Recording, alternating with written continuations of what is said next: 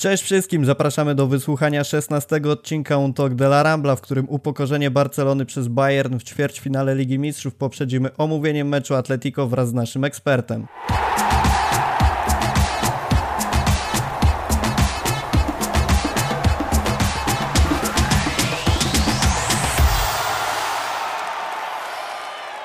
Po dłuższej przerwie do podcastu wraca Maciej Machaj. Siemanko. Ale jest z nami również Maciej Koch, fan Atletico, którego na pewno kojarzycie z działalności w magazynie Ole, ale również z publikacji na fcbarsa.com. Witamy Maciek. Cześć, witam. Na początek, zanim przejdziemy do tych nieco przykrych tematów, przypomnę prawdopodobnie jeden z niewielu pozytywnych akcentów tego podcastu, jakim będzie konkurs.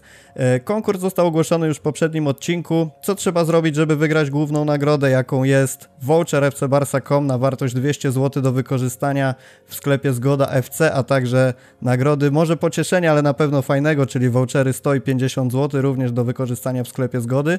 Trzeba napisać komentarz w, na YouTubie pod tym podcastem, bądź w kolejnych. Będziemy je e, analizować jako, jako całość. Trzeba napisać, kto wygra Ligę Mistrzów i dlaczego. Liczymy na Waszą kreatywność.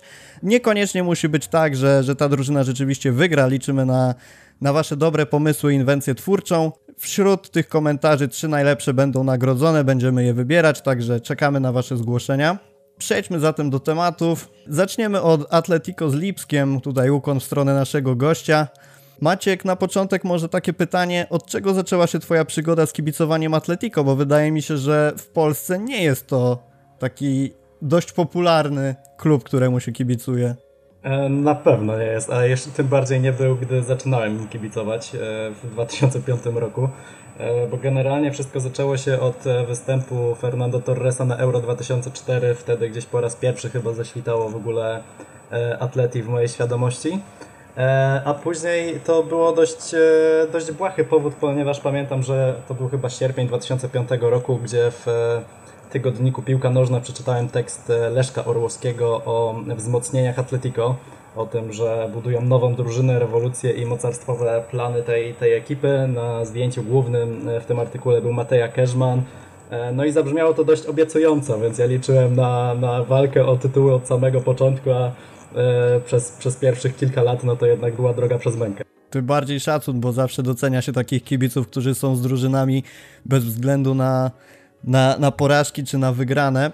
A nie da się ukryć, że Atletico, przynajmniej od tego roku, od którego ty kibicujesz, raczej było tą trzecią siłą, jeżeli nawet nie dalszą siłą w lidze hiszpańskiej, nie mówiąc już o, o Europie. I prze, przechodząc już do Europy, niespodzianka, czy raczej tak przewidywałeś, że Atletico odpadnie z Lipskiem? E, nie, nie przewidywałem e, porażki, porażki z Lipskiem. Raczej spodziewałem się trudnego, trudnego meczu, trudnej przeprawy i rozstrzygnięcia albo gdzieś w, na styku w okolicach 90 minuty, albo nawet po dogrywce. E, natomiast no, porażka i odpadnięcie po ćwierćfinale to jest jednak bardzo duże, duże rozczarowanie. Szczególnie po tym, e, co Atletico prezentowało już po przerwie e, spowodowanej COVID-em, także wtedy te nadzieje e, zdecydowanie wzrosły, także jest to jednak duże rozczarowanie. Wiesz, co mi tak przychodzi do głowy, że Atletico to jest drużyna bardzo trudna w ocenieniu, czy gra dobre mecze, bo Dobre mecze ocenia się przeważnie przez pryzmat tego, że pada dużo goli, że drużyna gra ładny, ofensywny futbol, a Atletico ma to do siebie, że jednak tę swoją grę opiera na sztuce obronnej wdrożonej przez Simeone, czyli wręcz cierpienie stało się sztuką w ich przypadku. I czy według Ciebie mecz z Lipskiem to był dobry mecz, w którym zabrakło na przykład szczęścia, bo, bo wiemy, że ta bramka w końcówce meczu to raczej pech niż jakaś tam wypracowana ładna akcja? Nie, mimo wszystko nie. Lipsk, Lipsk zasłużył na, na awans, był dużo, dużo lepszy, dużo lepiej się organizował w grze, w grze do przodu. E, z kolei Atletico jedyne pozytywy, jakie, jakie można e, znaleźć w ich grze, no to jest chyba tylko postać Joao Felixa, który grał raptem 20, 20 parę minut. E, także tych pozytywów w grze Atletico nie było. Też linia obrony wcale nie wyglądała na, na zbyt solidną. Także oczywiście Atletico od wielu lat i to przede wszystkim za kadencji Simeone przyzwyczaiło do, do tego cierpienia, o którym zawsze w wywiadach pomeczowych mówią i piłkarze i trener ale tutaj było cierpienie na boisku, cierpienie kibiców i nic, e, nic w zamian, także, e, także no, nie popisała się ekipa, ekipa Simeone. Wydaje mi się, że jest kilka, kilka głównych przyczyn tej, tej klęski. ale chyba o tym jeszcze będziemy sobie rozmawiać. Jeszcze zapytamy drugiego z Maćków. E, jak ty postrzegasz przegraną Atletico i odpadnięcie? Niespodzianka, czy, czy mimo wszystko dało się to przewidzieć? Zgodzę się y, tutaj z, z naszym drugim Maćkiem, że mm, raczej trudno było przewidywać, że Atletico y, odpadnie z Lipskiem. Natomiast z drugiej strony nie jest to też jakaś mega sensacja, no bo biorąc pod uwagę aktualną sytuację i kompletny, kompletny brak przewidywania tego, co może się zdarzyć, y, bo jednak drużyny są rozregulowane Niektóre wcześniej skończyły ligę, niektóre później, e, niektóre już wchodzą w fazę przygotowań do kolejnego sezonu, niektóre są na finiszu, także trudno było ocenić formę obu drużyn. Poza tym pamiętajmy, że to jest tylko jeden mecz. Jeżeli, jeżeli mielibyśmy mecz i rewanż, wyglądałoby to pewnie trochę inaczej. Obaj trenerzy mogliby inaczej ustawić swoje drużyny. Natomiast w tym przypadku, no ta różnica też była niewielka, tak? Bo to była tylko jedna bramka, e, więc e, moim zdaniem ani to nie była niespodzianka, ani sytuacja do przewidzenia. No, ukłony dla Atletico za walkę jak zawsze, natomiast Lips okazał się lepszy, no i stoi teraz przed życiową szansą. W takim razie, Maćku, jakbym mógł Cię poprosić o przedstawienie tego, co wspomniałeś już, czyli takich głównych przyczyn, dla których nie zobaczymy Atletico w dalszej fazie Ligi Mistrzów. Co Twoim zdaniem było tutaj decydujące? E, wydaje mi się, że tutaj tak zastanawiałem się nad tym i wydaje mi się, że trzeba byłoby wspomnieć o trzech rzeczach. Pierwsza to wydaje mi się w dużym stopniu jest to jednak utrata rytmu spowodowana tym, że Atletico skończyło, skończyło sezon bo jest jednak, e, wydaje mi się, taka reguła już w tych meczach, które do tej pory oglądaliśmy, że drużyny, które wcześniej kończyły sezon, mimo tych obaw, e, że stracą rytm i będą miały większe problemy z powrotem do gry, e, wyglądają lepiej. Tutaj możemy wskazać na drużyny francuskie, na drużyny niemieckie. Także ten powrót do treningów to jest jedna rzecz. Nie wiem w jak dużym stopniu to mogło decydować o, o tym, że Atletico wypadło tak słabo, ale jednak ta różnica jest e, znaczna, bo e, tak jak już wspomniałem na samym początku, po tej przerwie, po powrocie do piłki ligowej Atletico naprawdę wyglądało znacznie lepiej pod kątem fizycznym niż e, jeszcze przed tą przerwą, wyłączając mecz oczywiście z Liverpoolem, więc myślę, że to jest jeden czynnik. Dwa, sytuacja, która na pewno też nie pomogła, to cała sytuacja z diagnozami w Atletico na kilka dni przed meczem, gdy pojawiły się już pierwsze komunikaty, że są dwa zakażenia, Początkowo też to nie było zbyt e, klarowne w e, przekazach e, klubu, klubu kogo to dotyczy. Na początku mówiło się, że to są tylko przedstawiciele sztabu szkoleniowego, później, że to jest szersza grupa po prostu wyjazdowa, tak to nazwijmy. Ostatecznie okazało się, że są to dwaj piłkarze, w związku z czym Atletico musiało przerwać przygotowania do meczu na jeden dzień.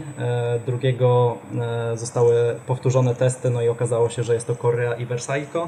No i później już e, jeden dzień później przez to Atletico wybrało się do Lizbony. Tam jeszcze jeden dzień testów przed, e, przed meczem w środę i dopiero w czwartek e, oko, w okolicach południa piłkarze Atletico zostali poinformowani, że wszyscy pozostali zawodnicy są zdrowi. Wspominał o tym w wywiadzie chyba dla ASA albo dla marki Jan Oblak, także myślę, że też w jakimś stopniu piłkarze myśleli o tym, czy i w jakim stopniu będą w stanie w ogóle zagrać, jaka jest sytuacja. Także ten chaos na pewno nie pomógł Atletico w przygotowaniach. Chociaż z drugiej strony no, tego nie można chyba tłumaczyć e, tym, tym odpadnięcia. No i trzecia kwestia e, to wydaje mi się już jest sytuacja kadrowa bądź decyzje personalne Simeone. Ja gdy zobaczyłem wyjściowy skład i zobaczyłem w nim Diego Costa, to wiedziałem, że to się dobrze skończyć nie może.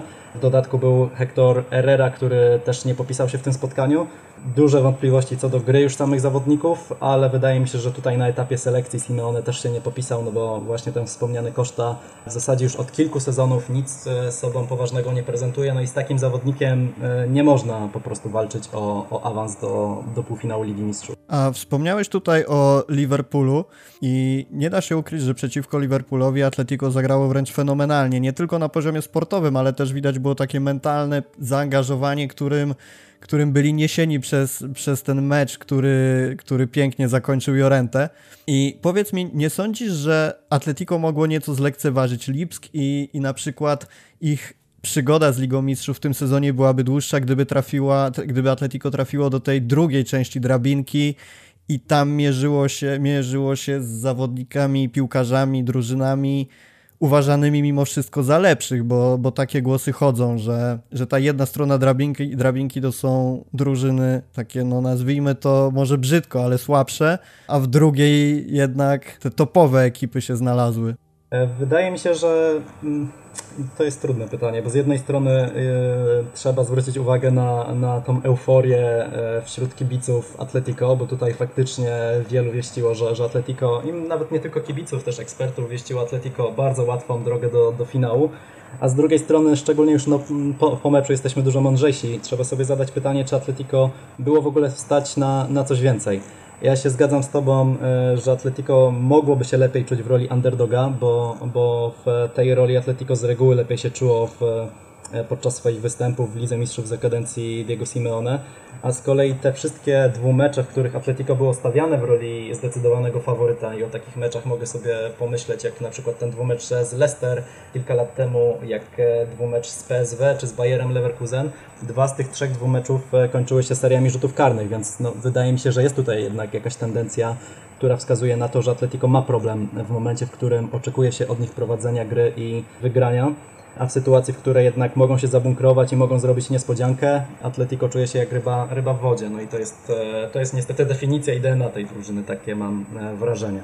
Także wydaje mi się, że e, może kończąc, może Atletico nie, nie miałoby łatwiej po, po tej drugiej stronie, bo, grając na przykład z tak rozpędzonym Bayernem, mogłoby się skończyć w przypadku Atletico podobnie jak, jak w przypadku Barcelony, może trochę w mniejszym wymiarze bramkowym, ale patrząc przede wszystkim na dyspozycję piłkarzy, z kim by nie zagrali, wydaje mi się, że Atletico odstawało, także, także tutaj sytuacja jest z mojej strony dość jasna. Makaj, to samo pytanie do Ciebie. Jak sądzisz, Atletico po drugiej stronie drabinki zaszłoby dalej?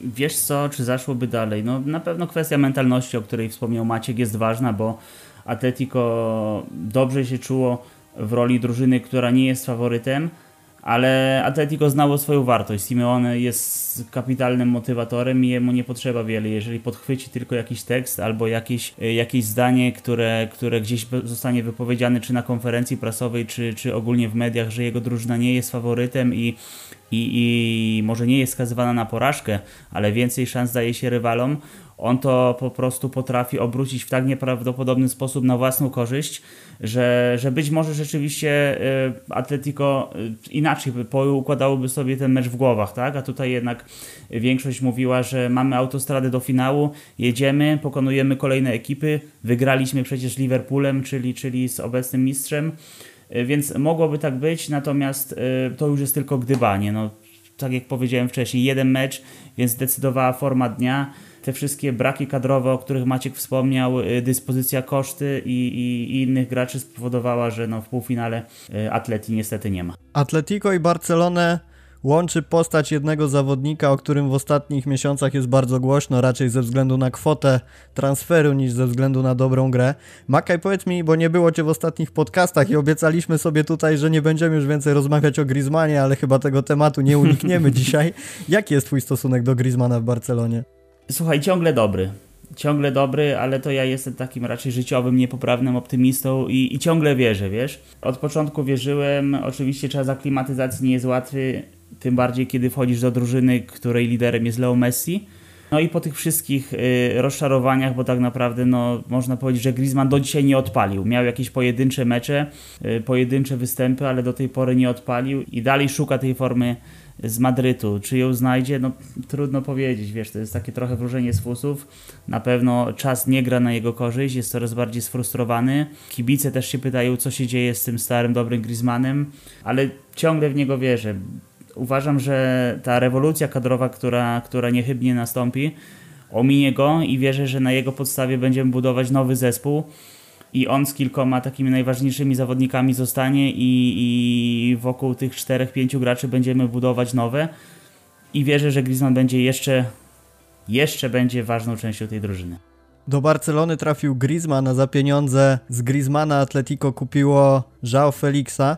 E, Maciek, jak ty oceniasz ten transfer? Odejście Griezmana i przyjście Felixa, bo w ostatnim meczu było widać to, że po wejściu Felixa Atletico trochę odżyło i też no, on był tym, który, na którym był rzut karny, on tego karnego wykorzystał.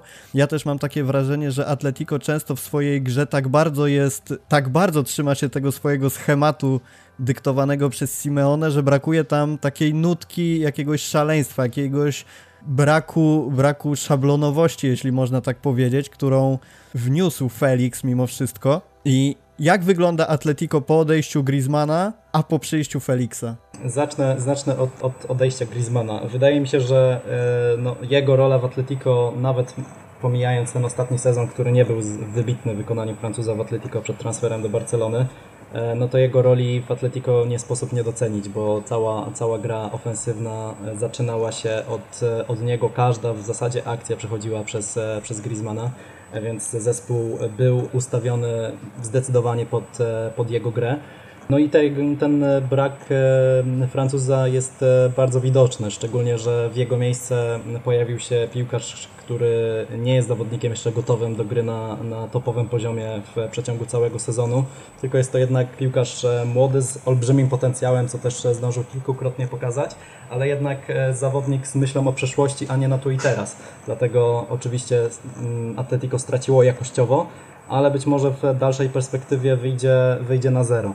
Jeśli chodzi o Felixa, no to e, wydaje mi się, że też nie można jeszcze mówić o tym, czy jest to transfer nieudany czy udany, bo no, ma za sobą dopiero pierwszy rok gry i aklimatyzację, która w tym klubie przebiega zawsze w bardzo trudny sposób, e, czego też e, przykładem jest sam Griezmann, no bo on potrzebował ponad pół roku na to, żeby naprawdę dotrzeć się z filozofią i z taktyką Diego Simeone ale właśnie w wielu przypadkach Felix już dzisiaj e, daje znać, że, że ma naprawdę ogromny potencjał i ogromne możliwości. Też e, myślę, że kwota, jaką za niego zapłacono, na pewno mu tutaj nie, nie pomogła, no bo ta presja oczekiwań wzrosła w związku z tym. E, no i też jego postawa w sezonie przygotowawczym, no bo był jednak zjawiskowy w tych, w tych meczach przed sezonem, więc wszyscy już zacierali ręce na to, jak będzie wyglądał Portugalczyk. Potem okazało się, że jednak pojawiają się problemy i zdrowotne i właśnie związane z aklimatyzacją. Też sam Felix w pewnym momencie chyba nie spodziewał się, że będzie aż tak trudno w, zaaklimatyzować się w ekipie Diego Simeone. No ale ostatecznie właśnie ten mecz z Lipskiem to jest jeden z niewielu pozytywów, które mogę, mogę wymienić, no bo właśnie postawa Felixa, który wchodzi na ostatnie 20 minut i faktycznie bierze na siebie odpowiedzialność, bierze na siebie też rzut karny, no to pokazuje, że wokół niego będzie można budować drużynę. Wielu kibiców też Atletico porównuje jego dokonania z tym, jak prezentował się w pierwszym sezonie w Atletico Kun. Oczywiście to była inna epoka, inna skala umiejętności całego klubu, ale w tym porównaniu Felix wypada całkiem nieźle, bo Aguero w pierwszym sezonie strzelił 7 goli i zaliczył 2 asysty w 42 meczach, a Felix strzelił tych goli 9 i zaliczył 3 asysty w 36 meczach. Także oczywiście biorąc poprawkę na to, że to obecne Atletico jednak no, jest zespołem stopu e, La Liga, walczy też w Lidze Mistrzów, no to możemy na to wziąć tę poprawkę, ale e, plus minus wydaje się, że, że ten potencjał jest e, podobny i ta skala talentu jest podobna. Także myślę, że najlepsze jeszcze przed, e, przed Atletico i Felixem razem z nim. Tak, tak, no najlepsze przed nim, tym bardziej, że on ma tylko 20 lat, tak? On jeszcze nie miał 21 urodzin, także, także na pewno świetlana przyszłość przed Felixem. Czy w Atletico? Oby, oby, bo, bo myślę, że on jako lider tej drużyny, czy teraz, czy w przyszłości, na pewno sobie by z tą rolą poradził. Słusznie wspomniałeś Maciek o tym, że w Atletico każda akcja przechodziła przez Griezmana. U nas taką postacią jest niewątpliwie Messi. I czy uważasz, obserwując mecze Barcelony, że to właśnie Messi jest największą przeszkodą ku temu, żeby Griezmann rozwinął skrzydła? Nie wiem, szczerze mówiąc. Wydaje mi się, że największą przeszkodą jest sam, sam Griezmann. Nie chodzi mi tutaj o to, że on e, może nie chce albo jest zniechęcony w jakiś sposób, ale też okoliczności jego transferu wcale mu w tym nie pomogły i to jest e, tylko i wyłącznie wina, wina Griezmana, no bo sami dobrze pamiętacie ten teatrzyk, który odstawił przez w zasadzie rok wcześniej przed transferem z tym filmem dokumentalnym wyprodukowanym jeszcze przez, przecież przez Pikę. No i myślę, że to w jakimś stopniu też uprzedziło jednak szatnie liderów Barcelony do, do postaci Griezmana. Wiele było tych dyskusji na temat tego, czy Messi i Suarez unikają gry z Griezmannem, czy po prostu się z nim nie lubią, czy, czy dają mu czas na aklimatyzację. Tego my nie rozstrzygniemy, bo to są tajemnice szatni. Ale tak, Griezmann, Griezmann potrzebuje być piłkarzem, od którego, przez którego przechodzi większość akcji. W Barcelonie nie ma, nie ma tej, e, tego kontaktu z piłką tak często. No i też druga sprawa, w Barcelonie jest rzucany na skrzydle. Na skrzydle, na którym ostatni raz grał w Realu Sociedad, czyli już ładnych parę lat temu. Od tamtej pory jego rola bardzo ewoluowała, bardzo się też rozwinął jako zawodnik, więc wydaje mi się, że powrót do mm, tej pozycji też mu na pewno nie, nie pomaga. No i też e, trzecia rzecz, no to już e, kwestia, kwestia stylu gry. W Barcelonie gra się zupełnie inaczej niż w Atletico. Także też mógł sobie pozwolić jako jeden z niewielu piłkarzy na większą swobodę w Atleti, a jednak schematy poruszania się w Barcelonie no, muszą być podyktowane pod to, w jakich strefach porusza się Messi, w jakich strefach jest Suarez, także tutaj też to w jakiś sposób ogranicza Griezmana. Odpadnięcie Atletico oraz odpadnięcie Barcelony oznacza, że pierwszy raz od 13 lat w półfinale, w półfinałach Ligi Mistrzów zabraknie drużyn z hiszpańskiej La Ligi. Przejdźmy może do tego przykrego już tematu. Miejmy to za sobą, że tak powiem. Makaj, Barcelona. Ale długo, długo, długo się udało odciągnąć ten temat, także tak, ale mu musimy to poruszyć. Makaj, Barcelona niewielką różnicą bramek, bo tylko sześciu przegrała z Bayernem. Jakie są Twoje odczucia po tym meczu i jak byś to porównał do klęsk z Romą i z Liverpoolem? Wiesz co, ja jestem fanem różnego rodzaju historii, statystyk, liczb i tak dalej. I wystarczy spojrzeć tylko na jedną statystykę. Ostatnim razem Barcelona straciła 8 bramek w jakimkolwiek meczu oficjalnym w 1946 roku. Czyli, czyli mamy 74 lata od czasu, kiedy Barca traci 8 goli i wcale nie, nie gra w jakimś eksperymentalnym składzie, wcale nie gra bez siedmiu podstawowych zawodników, e, wcale nie gra z jakąś drużyną, którą e, moglibyśmy nazwać zdecydowanym faworytem. Okej, okay, większość mówiła, że Bayern jest w gazie, Barcelona ma kiepską formę i nawet jeżeli porażkę dało się przewidzieć, to przecież nikt nie myślał, że, że Barca straci do przerwy 4 gole, po przerwie straci jeszcze 4. No to jest totalna klęska, klęska no, na każdym froncie. I, I dobrze tutaj Mr. Chip napisał, że game over, fin de ciclo, fin de todo, tak? No bo to jest tak naprawdę koniec wszystkiego. Ja zawsze byłem fanem jednak ewolucji, a nie rewolucji. Natomiast po tym, co, co Barcelona zaprezentowała w piątek, no to nie ma czego zbierać, tak? Tutaj trzeba rzeczywiście to wszystko zaorać i zasiać e, ziarno zupełnie nowego futbolu. Czy trzeba zmienić styl? Być może. Czy trzeba zmienić piłkarzy? To na pewno. Trenera trzeba zmienić, to już wiemy, że tak.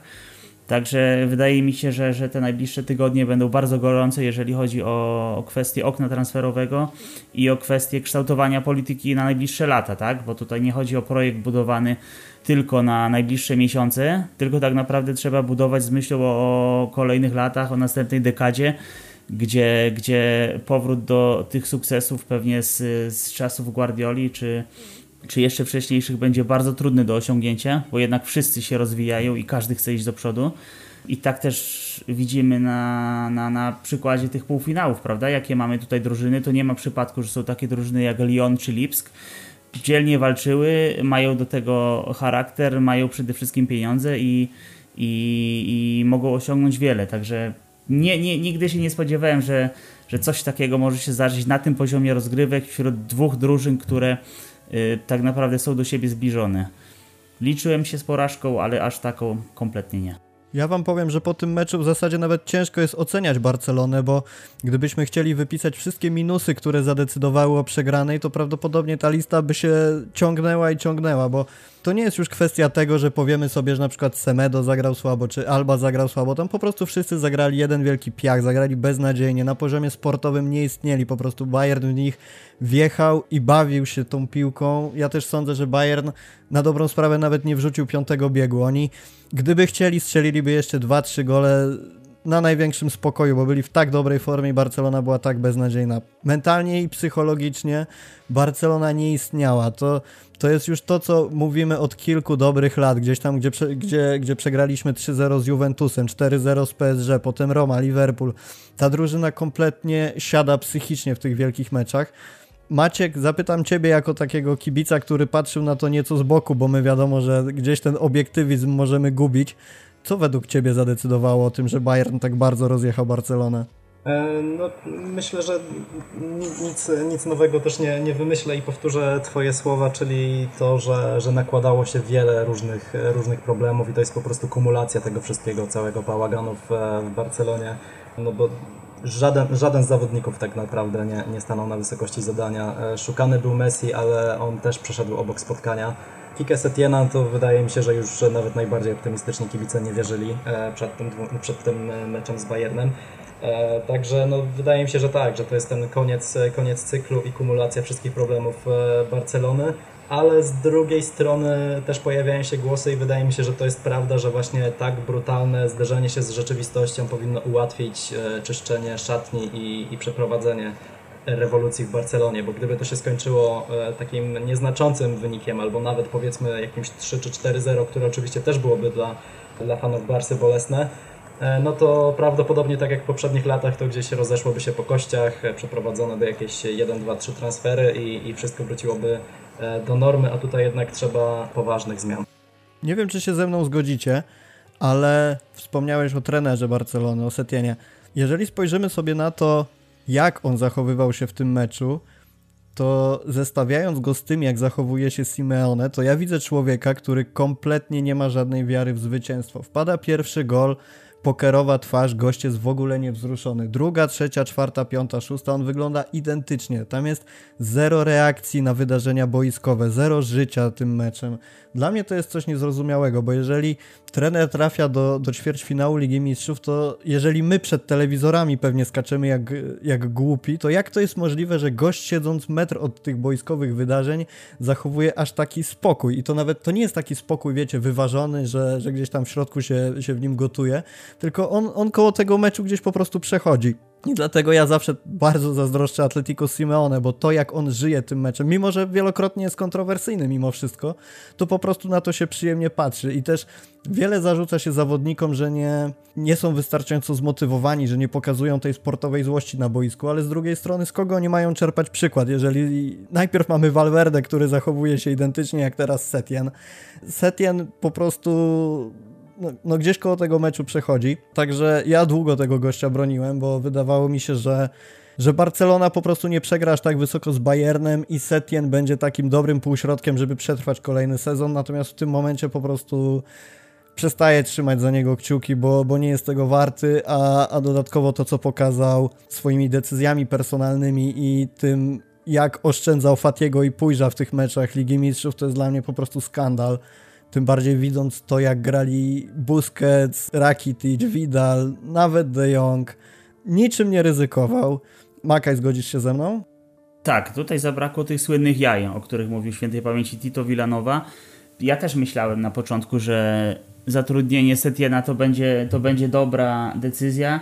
Po tym, co pokazał w Betisie, no przecież nie byle jakim klubie, tak? No może nie też klubie z topu, ale, ale w drużynie, solidnej drużynie z, z Ligi Hiszpańskiej ale on kompletnie nie ma w sobie werwy, nie ma zaangażowania, nie żyje meczami, tak jak powiedziałeś, przechodzi gdzieś obok. On się wydawał, tak jak przyznałeś, już od pierwszej do ostatniej minuty albo pogodzony z porażką, albo pogodzony w ogóle z odejściem z klubu. Także jeżeli jest trener właśnie bez jaj, bez charyzmy, bez kompletnie jakiegokolwiek posłuchu piłkarzy, no to, to on raczej długo miejsca na ławce trenerskiej nie zagrzeje, tym bardziej w takim klubie.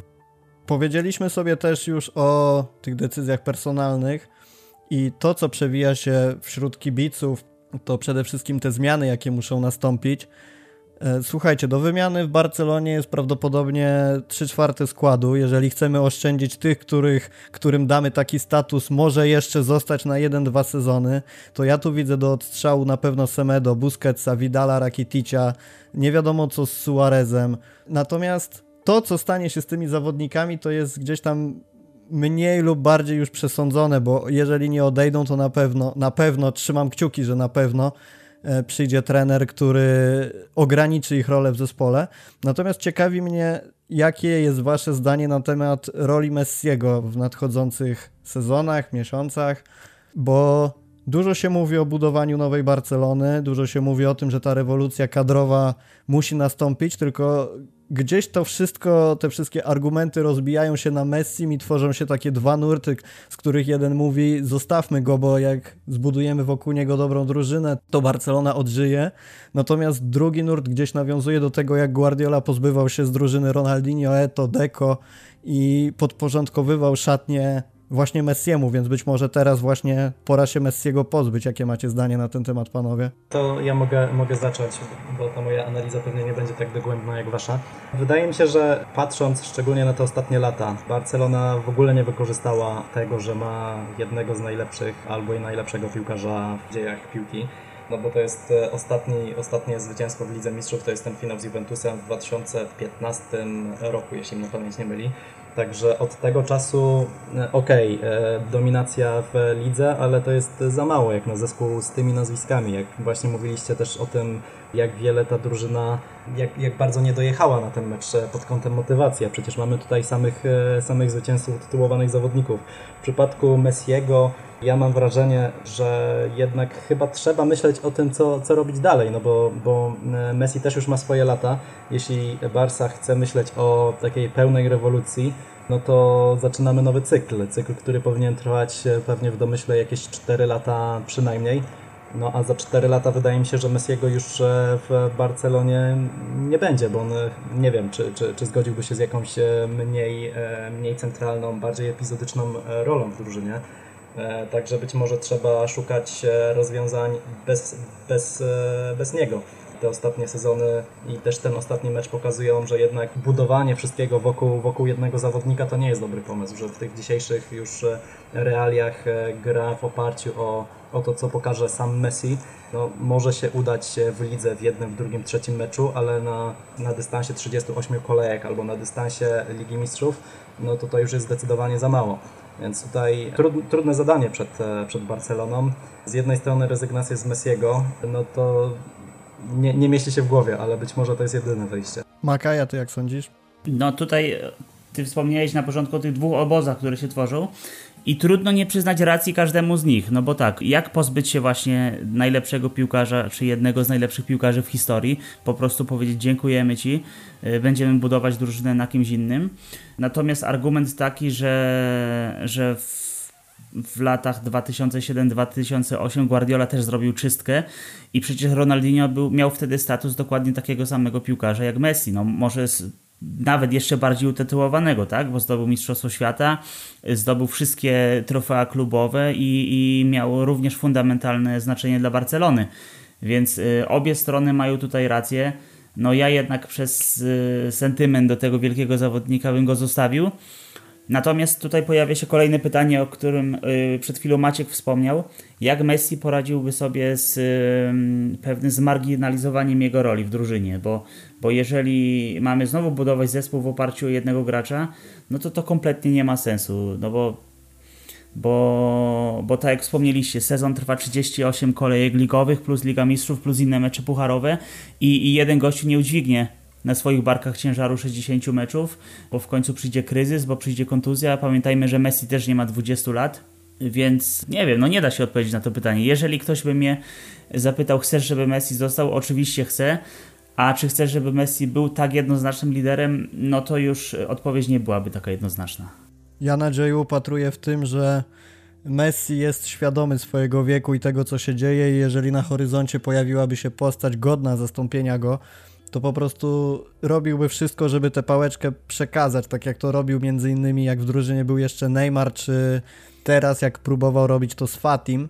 Słuchajcie, mecz z Bayernem to był tak, że nie tylko popis całej drużyny Bayernu, bo, bo jako drużyna wyglądali znakomicie, co odzwierciedla wynik, ale także jeżeli rozłożylibyśmy ją sobie na czynniki pierwsze, to pewnie wyszłoby nam, że ponownie Robert Lewandowski zagrał fenomenalne spotkanie, pomimo tylko jednej bramki, co przy wyniku 8-2 jest dość zaskakujące, biorąc pod uwagę, jaką ma formę w tym sezonie. I jednej asysty. I jednej asysty. Natomiast można powiedzieć, w zasadzie trzeba powiedzieć, że zagrał i tak bardzo dobre spotkanie, pomimo tego, że tylko jeden gol, bo pracował na, w innych sektorach boiska. Nie był tego dnia odpowiedzialny tylko za strzelanie goli.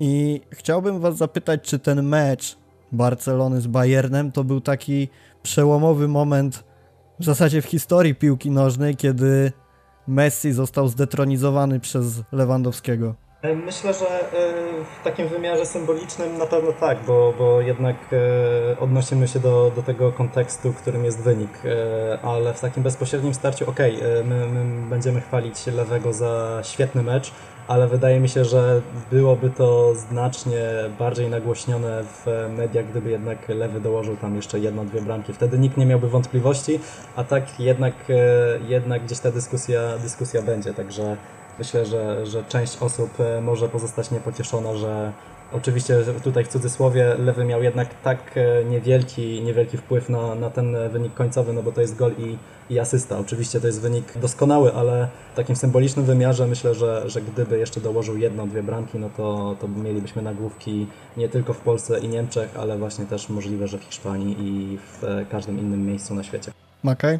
Tak, ja, ja tutaj akurat e, nie zgodzę się zupełnie z, z, ze słowami tych, którzy mówią, że Lewandowski zdetronizował Messiego tym na przykład symbolicznym spotkaniem. E, wiecie, Lewy rozgrywa kapitalny sezon i, naprawdę chylę czoła, bo, bo to jaki ma wpływ na grę Bayernu, to ile bramek zdobył, to po prostu z jaką pewnością kroczy po boisku, jest nieprawdopodobne i, i, i dla mnie to jest żałosne na przykład, że, że on nie dostanie złotej piłki, bo, bo już teraz całkowicie na nią zasłużył i, i wszystkie indywidualne nagrody tego roku powinny trafić od razu do niego, bez względu na to, co się wydarzy w kolejnych dwóch spotkaniach. Natomiast, y, no wiecie, mówić o detronizacji kogoś, kto, kto, kto ma dwie pełne szafy pucharów, przez kogoś, kto pewnie z innych trochę powodów, tak? Y, osiągnął y, troszkę mniej, natomiast też jest na światowym szczycie. No moim zdaniem to jest trochę za dużo powiedziane. Natomiast naprawdę czapki z głów przed Lewandowskim za to, jaki rozgrywa sezon, jaki wpływ ma na grę Bayernu i, i jak nie tylko fizycznie, ale mentalnie oddziałuje po prostu na boisku, to jest coś nieprawdopodobnego. Także cieszmy się, że, że mamy my go również w naszej drużynie narodowej i, i oby grał tak dalej, bo, bo naprawdę to jest coś wspaniałego. Czyli podsumowując, jesteśmy po meczu, w którym Barcelona zakończyła pewien cykl, pokazała, że zmiany są potrzebne na każdym szczeblu, tak jak to też powiedział Pique. E, nie tylko piłkarze, nie tylko trenerzy, ale do wywalenia przede wszystkim jest cały zarząd, żeby uzdrowić ten klub i wrócić go na właściwe tory. Powiedzmy sobie jeszcze krótko o pozostałych meczach ćwierćfinałowych. Atalanta odpadła w ostatniej chwili z PSG. Jakie są Wasze odczucia po tym meczu? Szkoda, naprawdę szkoda ale oglądając ten mecz uważam, że Atalanta sama sobie nagrabiła, bo, bo od około 60 i 70 minuty oni kompletnie stanęli i, i myśleli, że, że PSG nie jest w stanie im zrobić krzywdy, a przecież pierwsza połowa już pokazała, że, że mieli kilka naprawdę świetnych sytuacji, szczególnie Neymar. No i taka gra na alibi odwróciła się przeciwko nim. Y, dwa szybkie gongi w ostatnich minutach, także PSG w pełni zasłużenie moim zdaniem awansowało do półfinału. Y, ale szkoda, bo Atalanta też grała przepiękną piłkę, strzeliła we Włoszech, przecież to było około 80 goli w lidze, także zawsze, zawsze miło się ogląda takie drużyny, no ale sami sobie naważyli piwa i, i, i są za burtą. Dokładnie, ja się też mogę pod tym podpisać, e, szczególnie w obliczu tego wczorajszego meczu, czyli Lyon, ok, cofnął się, ale cały czas szukał gry, gry z kontry i myślę, że Atalanta też mogła, e, mogła e, przynajmniej w jakimś stopniu się nastawić na, na, na kontratak. Tam była ta jedna ostatnia sytuacja Muriela, w której on się tak, tak, w doliczonym piłką, ale to było jednak e, za mało, jak na powiedzmy 20-30 ostatnich minut. To było chyba jedno z dwóch wyjść Atalanty kontratakiem. To było zdecydowanie za mało, no i właśnie zgadzam się z e, moim imiennikiem, że Atalanta no jednak sama sobie nagrabiła i e, historia jest wspaniała, ale no, sami są jednak sobie winni tego, że nie grają dalej. A w tym wszystkim fantastyczna postawa Neymara, który może samolubnie, może za bardzo indywidualnie, ale w całym meczu pokazał, że potrafi być znakomitym liderem i to jest coś, co mi imponowało już jak był w Barcelonie, między innymi też w tym meczu z PSG, że on się nie boi, on bierze piłkę i chce, próbuje i nawet jeżeli wiąże się to z tym, że musi przejść trzech, czterech, pięciu zawodników sam, żeby dostać się pod pole karne, to po prostu to robi, tym bardziej widząc w jakiej formie tego dnia byli jego partnerzy. I to dało mi, szczerze mówiąc, powiem wam do zrozumienia, kogo brakuje w Barcelonie, bo dużo się mówiło o przyjściu Lautaro versus Neymar, kogo bardziej Barcelona potrzebuje, no to mi szczerze mówiąc tym meczem Neymar udowodnił, że, że jeżeli nie Neymara Barcelona potrzebuje, to na pewno kogoś o jego profilu, a że nie ma tak naprawdę takich zawodników albo są trudni do odszukania na ten moment, to gdzieś jakby skłaniam się do tego, że jeżeli Neymar by wrócił, to, to wcale nie byłoby takie złe. Manchester City Kolejny sensacyjny wynik, bo nie da się ukryć, że Lyon nie był faworytem tego spotkania. Co powiecie? Może, może dla Was był faworytem, nie wiem. Jeśli chodzi o City, no to tak, dla mnie, dla mnie to był główny faworyt. E, też nie będę ukrywał, bo, bo grając, grając e, w Lidze Fantazy ze znajomymi obstawiłem praktycznie cały skład z zawodnikami Manchesteru City, więc teraz mam poważny ból głowy. A dorzucając do tego jeszcze gracza Atletico, no to już nie wiem, czy mam się pokazywać na półfinały, ale to tak drogą dygresji. E, no dla mnie to jest jednak porażka dwóch, dwóch postaci. Pierwszą jest oczywiście Raheem Sterling, no bo on miał na swojej stopie piłkę prawdopodobnie na awans, chociaż to było 2-1, więc wyrównanie, wyrównanie wyrównanie jeszcze nie oznaczało oczywiście tego, że Manchester City by przeszedł, ale e, no, piłkarz, który też e, ten sezon Ligi Mistrzów miał, miał momenty spektakularne i myślę, że też aspiruje do tego, żeby stawiać się w roli jednego z, te, z tych piłkarzy ze ścisłego topu. No on tutaj nie stanął w ogóle na wysokości zadania. E, no a drugą postacią jest oczywiście Guardiola, bo jak, jak mówiliśmy w przypadku Barcelony, tak myślę, że w kontekście Guardioli też już możemy mówić powoli o końcu cyklu Guardioli w Manchesterze City. E, no ja jestem ciekawy Waszej opinii, ale dla mnie jednak e, nie podołał, bo ten jeden historyczny sezon w Premier League to za mało wszyscy wiemy z jakimi zadaniami miał się zmierzyć i co miał e, do Manchesteru przywieźć, czyli, czyli Puchar Europy.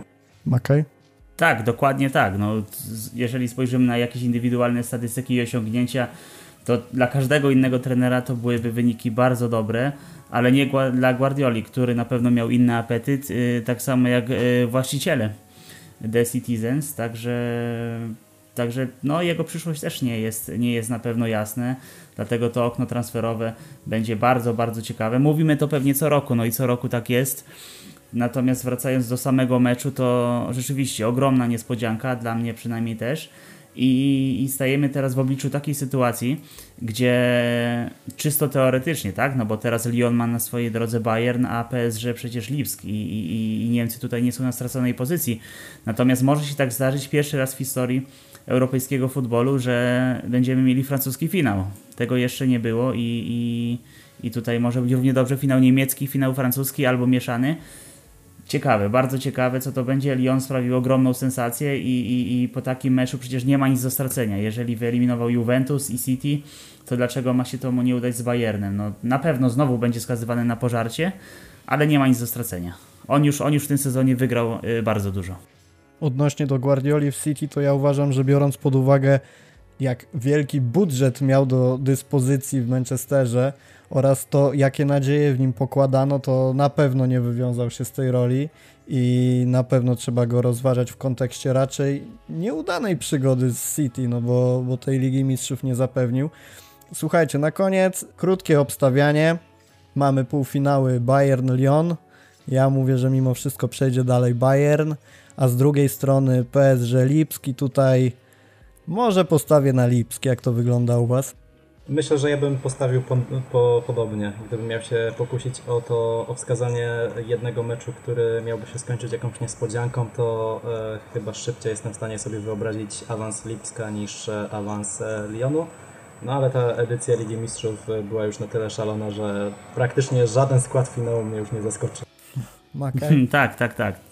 To, to na pewno. Ja też, jeżeli miałbym gdzieś upatrywać niespodzianki, to, to, to raczej w drużynie Lipska, natomiast ja postawię na finał jednak ten e, Bayern PSG i, i, i, i niesamowitą znowu siłę ofensywy obu drużyn, ale zobaczymy. Czyli bezpiecznie.